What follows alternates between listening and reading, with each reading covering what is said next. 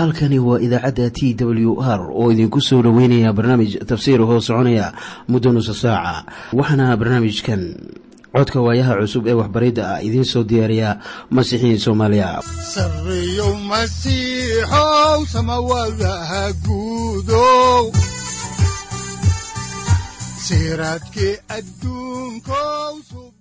ku soo dhowaada dhegaystayaal barnaamijkeenna dhammaantiinba. Waxaan horay u sii ambaqaadi doonnaa daraasaadkii la magac baxay baibalka dhammaantii. Waxaannu caawa idiin sii wadi doonnaa cutubka siddeed iyo tobanaad ee injiilka sida luukas uu u qoray ah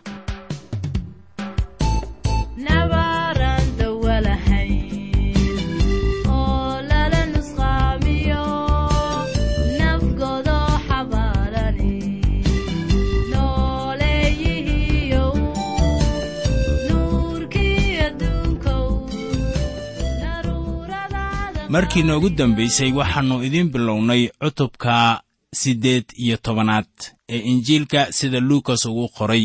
Waxaanay inoo joogtay aayadda koowaad markaasoo ciise uu bilaabay inuu kula hadlo iyaga masaal. Waxaanay aayadda koowaadi lahayd si ciise uu u tuso inay waajib ku tahay iyaga inay mar waliba tukadaan oo aanay ka qalbi jebin. Wuxuu iyaga kula hadlay masaal isagoo leh haddaba wixii uu yidhi caawa ayaannu arki doonnaa.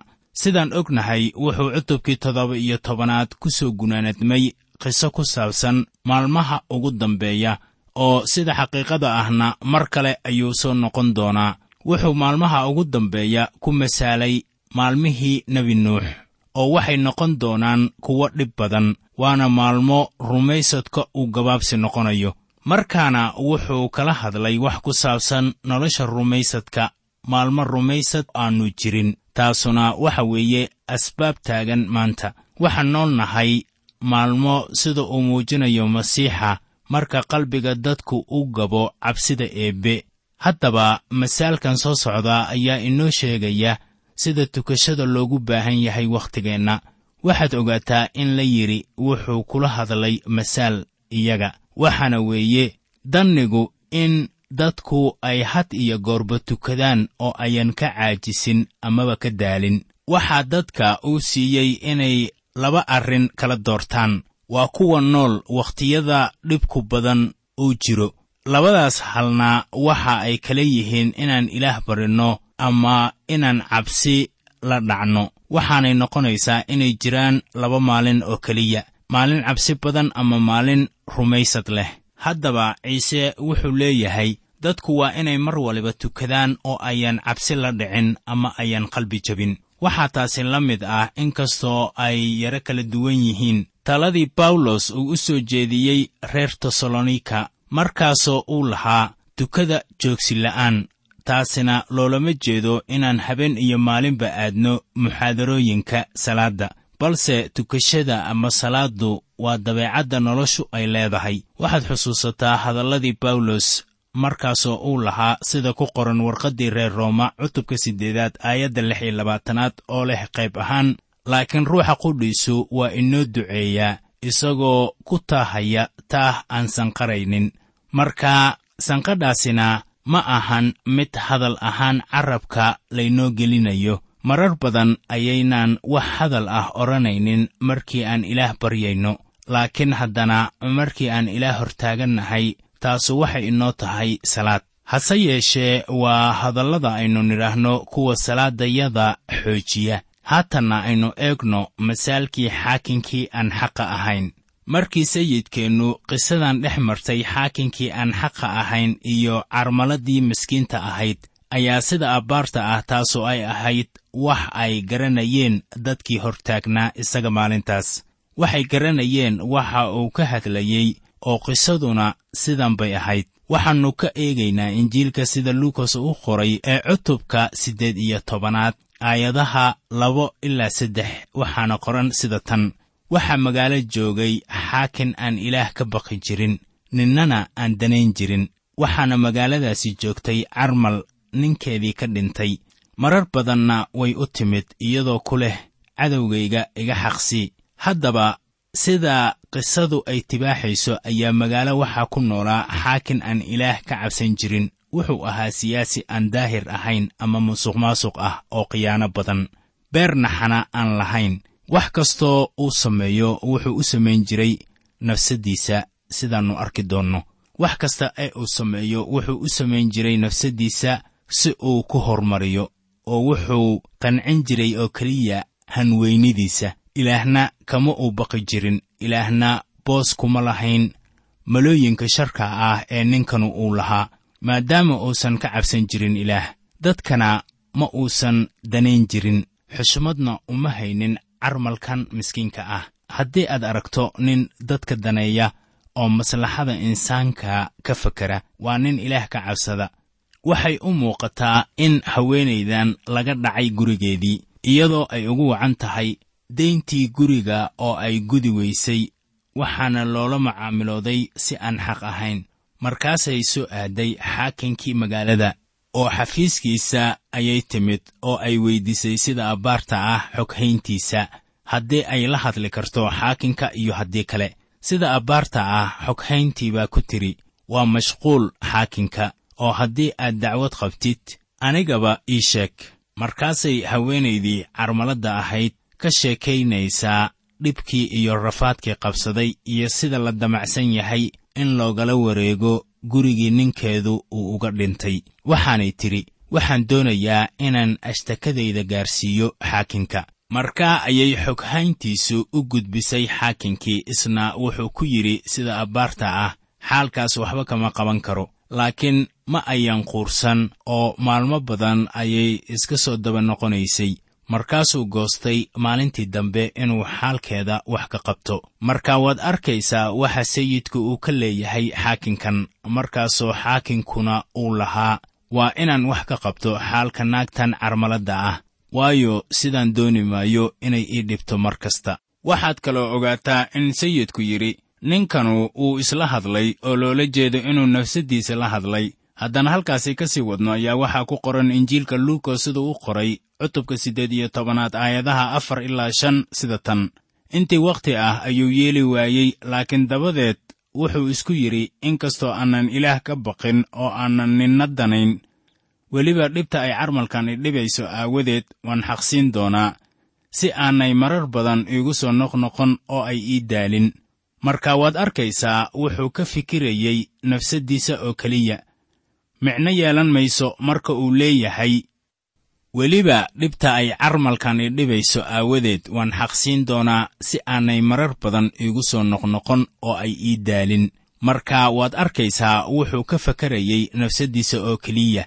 Micno yeelan mayso marka uu leeyahay weliba dhibta ay carmalkan i dhibayso aawadeed maxaa wacay? Laynooma sheegin in carmaladani ay khatar ku haysay ninkan xaakinka ah. Laakiin xaqiiqada dhabta ah ee jirta waxay ahayd inaanay ka tegi jirin xafiiskiisa ama ayan siinin fursad uu isku moogaysiiyo xaaladdeeda markii ugu dambaysay ayuu ku yidhi xoghayntiisa soo geliya carmalka. Wuxuuna ku yidhi haddeer ayaan kuu xaqsoorayaa gundhigga masaalkanu waa kaas haddaan horay u sii ambaqaadno xigashada ayaannu haatan eegaynaa injiilka sida luukas uu u qoray cutubka siddeed iyo tobanaad aayadaha lix ilaa toddobo. Waxaa qoran sida tan. Markaasaa sayidku uu yidhi maqla wixii xaakinkii xaqa darnaa uu yidhi. Ilaahna miyaannu xaq siin doonin kuwuu doortay oo habeen iyo maalinba u qayliya oo miyaannu u dulqaadan doonin. Haddaba waxaa jira wadaaddo badan oo leh masaalkanu wuxuu adkaynayaa ahmiyadda ay salaaddu leedahay. Laakiin anigu waxaan leeyahay kanu waa masaal ku aadan salaadda mase ahan mid loo qoray in loo qaato sida wadaaddadaasu ay u fasirteen. Masaaladu waa qisooyin sayidkeennu uu ku sharrixi jiray runta. Haddaba masaalku wuxuu ka micno yahay wax lagu mataalo ama lagu sharaxo si markaasi qisada masaalka ku jirta ay faallo uga bixiso qiso kale oo aan bannaanka oolin ama dahsoon. Markaana masaaladu waa wixii sayidkeennu uu isticmaali jiray inuu ku sharaxo run rabbaani ah. Laba siyood buu taa inoogu sharrixi jiray. Mid qisooyinka ayuu u isticmaali jiray isagoo mid kale barbardhigaya midna wuxuu u isticmaali jiray isagoo qiso kale kaga hor imaanaya ama ka hor keenaya. Markaana sayidkeennu wuxuu lahaa markii aad ilaah ugu timaado salaad ma waxay kula tahay in ilaah uu yahay xaakin aan xaq ahayn? Ma waxaad u malaynaysaan in ilaah wax uu u sameeyo sida siyaasiyiinta? Saaxib haddii ay sidaas kula tahay waad qaldan tahay. Ilaah ma ahan xaakin aan xaq ahayn. Markaana haddii xaakinkii aan xaqa ahayn uu maqlay dacwadii naagtii carmaladda ahayd oo si isdabajoog ah ugu imaanaysay. Haddaba maxaad uga niyad jabaysaa inaad u timaado ilaah oo aan ahayn xaakin aan xaq ahayn laakiin caadi ahaan doonaya inuu ka jawaabo baryadaada. Miyaadan saaxiib garanaynin in ilaah aannu ahayn xaakin aan xaq ahayn. Ma ahan in lagu leeyahay waa inaad si waali ah u baryootantaa. Ilaah wuxuu doonayaa inuu wax u qabto adiga daraadda haddii markaa aynu leennahay dabeecadda allabariga ah ee aan ilaah hor imaanayno waxay beddelaysaa nolosheenna xagga baryada. Waa marka aynu hortiisa nimaadno eh innaga oo garanayna inuu doonayo inuu ina maqlo.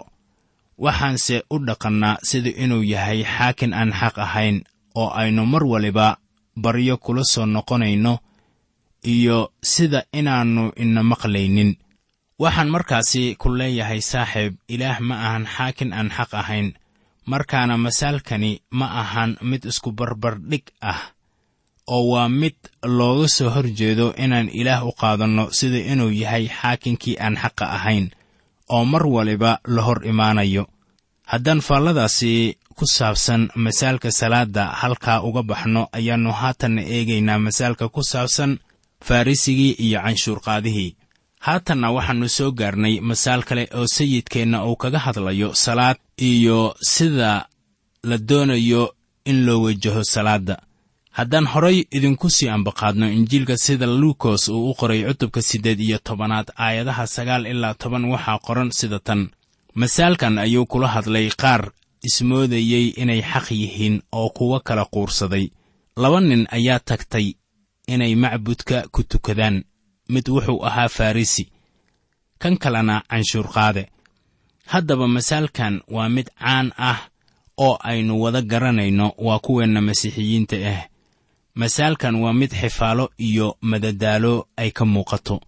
Wuxuu yidhi laba nin ayaa macbudka soo galay inay ilaah baryaan.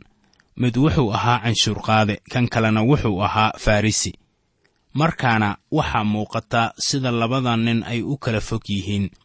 Waayo farrisigu wuxuu ahaa ninka u sarreeya diimaha ama nimanka u sarreeya diimaha yuhuudda. Kan kalena wuxuu ahaa canshuurqaade. Canshuurqaadaha wuxuu ahaa dembiilayaal la joog. Haddaba si kastoo ay dabaqad ahaan u kala sarreeyaan haddana ninkan dembiilaha ah ilaah raxmad wuu ka heli karaa uu badbaadi karaa farrisigii duqa ahaa ayaa bilaabay salaaddii macbudka. Haddaan horay u sii ambaqaadno xigashada kitaabka oo aynu isla eegno masaalkan ayaa waxaa ku qoran injiilka luukos cutubka siddeed iyo tobanaad aayadda kow iyo tobanaad sida tan. Farrisigii intuu istaagay ayaa uu waxyaalahan isugu tukaday.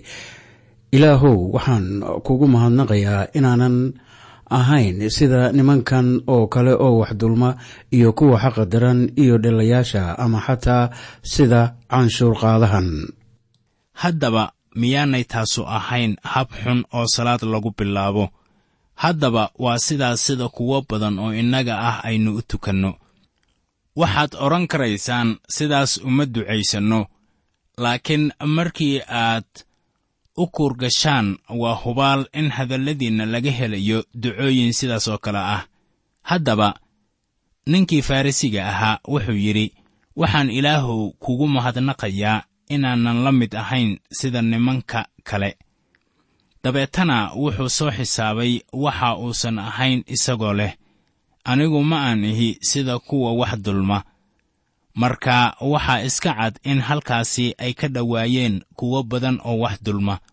Wuu sii socday oo uu yidhi ma ahi sida kuwa xaqa daran ama dhillayaasha. Markaasuu haddana inuu canshuurqaadihii eegay yidhi. Oo bal eeg ma aan ihi sida canshuurqaadahan isagoo ula jeeda inaannu uu la mid ahayn dembiilahaas markaasuu dabeeto bilaabay inuu ilaah u sheego waxyaabaha badan ee uu sameeyey sida ku qoran cutubka siddeed iyo tobanaad aayadda laba-iyo tobanaad oo leh toddobaadkii laba kol ayaan soomaa waxaan haysto oo dhanna toban meelood ayaan meel ka bixiyaa. War miyuuna ahayn ninkanu nin wanaagsan miyuuna ninkanu ahayn nin ku wanaagsan waxbixinta sayidkeennu wuxuu yidhi isagoo ninkan ka hadlaya sidaan buu isugu tukaday. Haddaba canshuurqaadihii duqa ahaa ayaa sida la garan karaba ahaa mid aan la jeclayn oo lagu tirinayo dembiilayaasha midkood.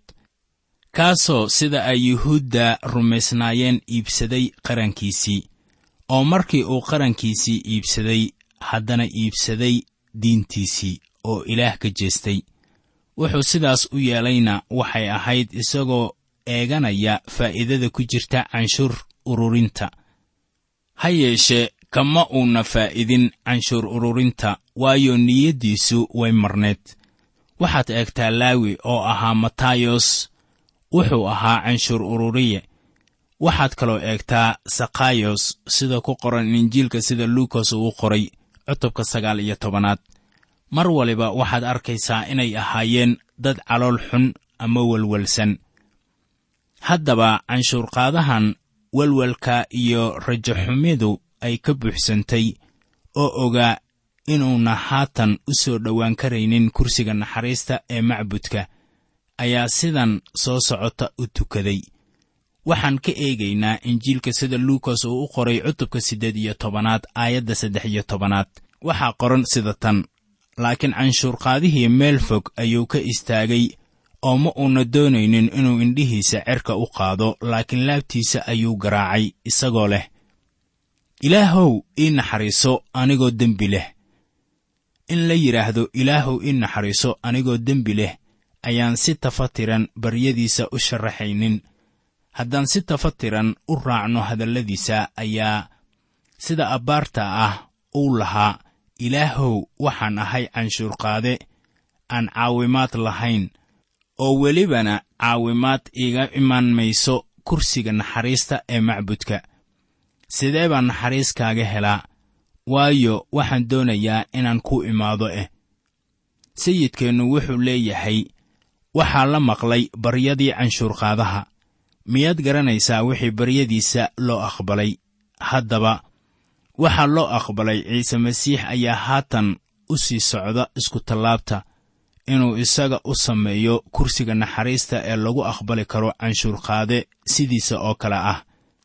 Yooxanaa ayaa warqaddiisii koowaad cutubka labaad aayadda labaad inagu leh oo isagu wuxuu dembiyadeenna u yahay kafaara gudka oo kuweenna oo keliya uma aha ee weliba wuxuu u yahay dembiyada dunida oo dhan waxaad la mid noqon karaysaa sida canshuurqaadahan aan caawimaadda lahayn balse waxaad u imaan karaysaa sayidka oo aad ku kalsoonaan karaysaa oo wuu ku badbaadinayaa ilaahna wuu naxariis badan yahay. Haddaan horay u sii ambaqaadno injiilka sida luukas uu u qoray ayaannu eegaynaa cutubka siddeed iyo tobanaad aayadda afar iyo tobanaad oo leh waxaan idinku leeyahay kan iyo kii kale kan baa gurigiisa tegay isagoo la caddeeyey inuu xaq yahay. Waayo mid kasta oo isa sarraysiiya waa la hoosaysiin doonaa oo kii is hoosaysiiyana waa la sarraysiin doonaa. Ciise halkan ayuu ku soo gebagabaynayaa masaalkii farrisiga iyo canshuurqaadaha oo labaduba ay ku kala duwanaayeen sida ay ilaah ula hadleen amaba u baryeen haatanna waxaannu eegaynaa maaddadan kale ee ku saabsan ciise oo barakadaynaya dhallaanka ama ilmaha yaryar. Haddaba carruurtu waxay jeclaayeen inay la joogaan sayid ciise masiix. Haddaan xaalkaasi ka eegno kitaabka ayaa waxaa ku qoran injiilka sida luukas uu u qoray cutubka siddeed iyo tobanaad aayadaha shan iyo toban ilaa toddoba iyo toban sida tan ilmo yar ayay u keeneen inuu taabto laakiin goortii xertii ay aragtay ayay canaanteen. Laakiin ciise ayaa u yeedhay oo ku yidhi ilmaha yaryar daaya ha ii yimaadeene hana diidina waayo kuwan oo kale ayaa ka mid ah boqortooyada ilaah. Runtii waxaan idinku leeyahay ku alla kii aan boqortooyada ilaah u aqbalin. Sida ilmo yar oo kale meeshaas ma uu geli doono waxaan markaasi garanaynaa in sayidkeennu uu jeclaa carruurta oo isagu uma arkaynin inay dhibayaan haddii ay u soo dhowaadaan. Waxaa markaasi sayidku uu u isticmaalayaa carruurta inuu ku sifeeyo boqortooyada ilaah oo wuxuu leeyahay ku alla kii aan boqortooyada ilaah u aqbalin sida ilmo yar oo kale meeshaas ma uu geli doono. Waxaa kaloo uu horay uga digay khatarta ay leedahay kuwa xumeeya carruurta markaasoo uu lahaa sida ku qoran injiilka sida luukas uu u qoray cutubka toddoba-iyo tobanaad aayadda labaad. In qof yaryarkan midkood uu xumeeyo waxaa uga roon in dhagaxshiid luqunta looga lalmiyo oo badda lagu tuuro. Waxaan haatan u weecanaynaa qisadii dhex martay ciise masiix iyo ninkii dhallinyarada ahaa ee welibana hodanka ahaa. Haddaba qisadan dhex martay masiixa iyo ninkan hodanka ah waxay kaloo ku qoran tahay injiilka sida matayos uu u qoray cutubka sagaal iyo tobanaad aayadaha lix iyo toban ilaa soddon iyo injiilka sida markos uu u qoray cutubka tobanaad aayadaha toddoba iyo toban ilaa kow iyo soddon. Markaana qisadaasu waa mid aad iyo aad cajiib u ah qisadan sayidkeennu wuxuu ninkan hodanka ah weydiinayaa waxyaabaha uu sameeyo iyo qaabnololeedkiisa haddaan qisada idiin bilowno ayay habboon tahay inaan eegno cutubka siddeed iyo tobanaad. Waa injiilka luukose. Aayadaha siddeed iyo toban ilaa sagaal iyo toban. Waxaana qoran sida tan. Taliye ayaa weyddiiyey isagoo leh macallin wanaagsanow maxaan sameeyaa inaan nolosha weligeed ah dhaxlo markaasaa ciise uu ku yidhi maxaad iigu yeedraysaa wanaagsanow? Mid wanaagsan ma jiro. Mid maahee kaasuna waa ilaah.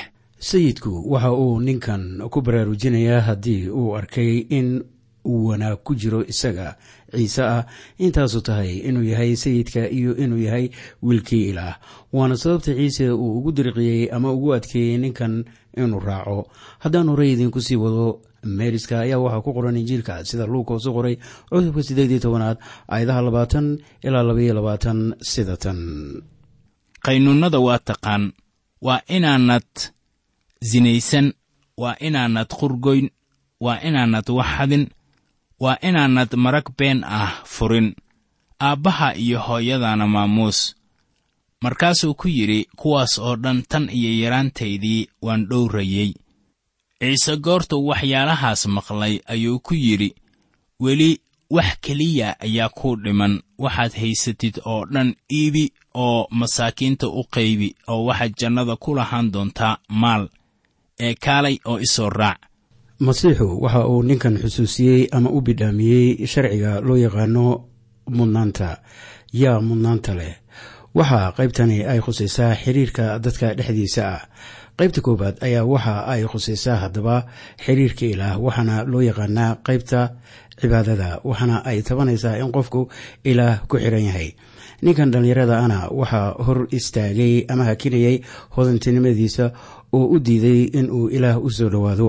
Haddaan halkaasi ka sii wadno kitaabka ayaa waxaa ku qoran cutubka siddeed iyo tobanaad aayadaha saddex labaatan ilaa soddon sida tan haddaan halkaasi ka sii wadno kitaabka ayaa waxaa ku qoran cutubka siddeed iyo tobanaad aayadaha saddex iyo labaatan ilaa soddon sida tan. Laakiin goortuu waxaas maqlay ayuu aad uga calool xumaaday waayo aad buu hodan u ahaa. Ciise goortuu arkay wuxuu yidhi kuwa hodanka ah waa ku adag tahay inay boqortooyadii ilaah galaan waayo nin hodan ah inuu boqortooyadii ilaah galo waxaa ka howl yar in owr cirbad duleelkeeda uu ka duso. Markaasaa kuwa maqlay waxay ku yidhaahdeen haddaba yaa badbaadi kara. Wuxuu ku yidhi waxaan dadka u suurtoobin ilaah waa u suurtoobaan. Butros ayaa ku yidhi bal eeg waxayagii ayaannu ka tagnay waana ku raacnay. Wuxuuna ku yidhi runtii waxaan idinku leeyahay ma jiro nin boqortooyadii ilaah aawadeed uga tegay guri ama afo ama walaalo ama waalid ama carruur oo aan haatan helayn labalaab badan wakhtiga imaanaya nolosha weligeed ah. Haddaba si kastoo ay tahayba waxaa ninkan ka dheereeyey ciise masiix hodantinimadiisa. Si kastoo ay tahayba la garan maayo in ninkanu kol dambe uu soo raacay masiixa iyo in kale. Haddii aad ninkan oo kale tahay waxaad u baahanaysaa inaad masiixa soo raacdo waayo wuu ku jecel yahay oo dartaaba iskutallaabta loo saaray. Haddaba waxaa cutubkanu uu ku soo xirmayaa ciise oo nin indhala bogsiinaya. Waxaa matayos uu ka hadlay inay jireen laba indhoole. Markosna wuxuu ka hadlay inuu jiray hal nin oo indhala waxaad markaasi arkaysaa haddii aad si taxaddar leh u akhriso qisadan ay qorayaan matayos iyo markos intaasu ay ahayd howl bogsiin ah ee ciise uu sameeyey markii uu ka soo baxayey yarixo haddaba bogsiinta ciise oo bogsiiyey ninkan indhahala waxay dhacday intuuna ciise soo gelin yarixo wuxuuna isticmaalay qaabkii ay labadii nin ee indhoolayaasha ahaa isticmaaleen. Markaasoo ay lahaayeen ciise ina daa'uudow haddaan qorniinka horay u sii ambaqaadno ayaa waxaa ku qoran. Injiilka sida luukas uu u qoray cutubka siddeed iyo tobanaad aayadaha shan iyo soddon ilaa saddex iyo afartan sida tan. Waxa ay noqotay markuu yariixoo ku soo dhowaaday in nin indhala jidka ag fadhiyey oo dawarsanayay oo goortuu maqlay dadka badan oo agmaraya ayuu weyddiiyey waxaas waxa ay ahaayeen. Waxay u sheegeen in ciisihii reer naasareed uu agmarayo markaasuu qayliyey isagoo leh ciise ina daa'uudow ii naxariiso. Kuwo hormariyey ayaa canaantay si uu u aamuso laakiin si ka badan ayaa uu ugu qayliyey ina daa'uudow ii naxariiso markaasaa ciise uu joogsaday oo wuxuu ku amray in loo keeno oo goortuu u soo dhowaaday ayuu weyddiiyey oo uu ku yidhi maxaad doonaysaa inaan kuu sameeyo? Wuxuu ku yidhi sayidow inaan wax arko. Markaasaa ciise uu ku yidhi wax arag rumaysadkaaga ayaa ku bogsiiyeye. Kolkiiba ayuu wax arkay. Wuuna raacay uu ilaah ammaanay dadkii oo dhanna goortay arkeen ayay ilaah ammaaneen.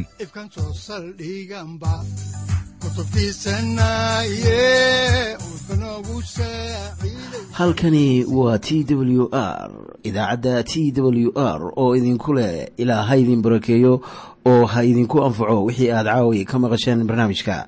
Waxaa barnaamijkan oo kalea aad ka maqli doontaan habeen dambe hadahan oo kale haddiise aad doonaysaan in aad fikirkiina ka dhiibataan wixii aad caawi maqasheen ayaad nagala soo xiriiri kartaan som t w r at t w r c o k e haddii aad doonaysaan in aad dejiisataan oo kaydsataan barnaamijka ama aad mar kale dhegaysataan fadlan mar kale booqo www t w r o r g amase waxaad teleefoonkaaga ku kaydsataa ama ku download garaysataa agabyada ku sahli karaa dhegeysiga t w r haddii aad doonayso in laga kaalmeeyo dhinacyada fahamka kitaabka amase aad u baahan tahay duco fadlan fariimahaaga soo mari bogga aaraahda ama kommentska inana jawaab degdeg ah ayaanu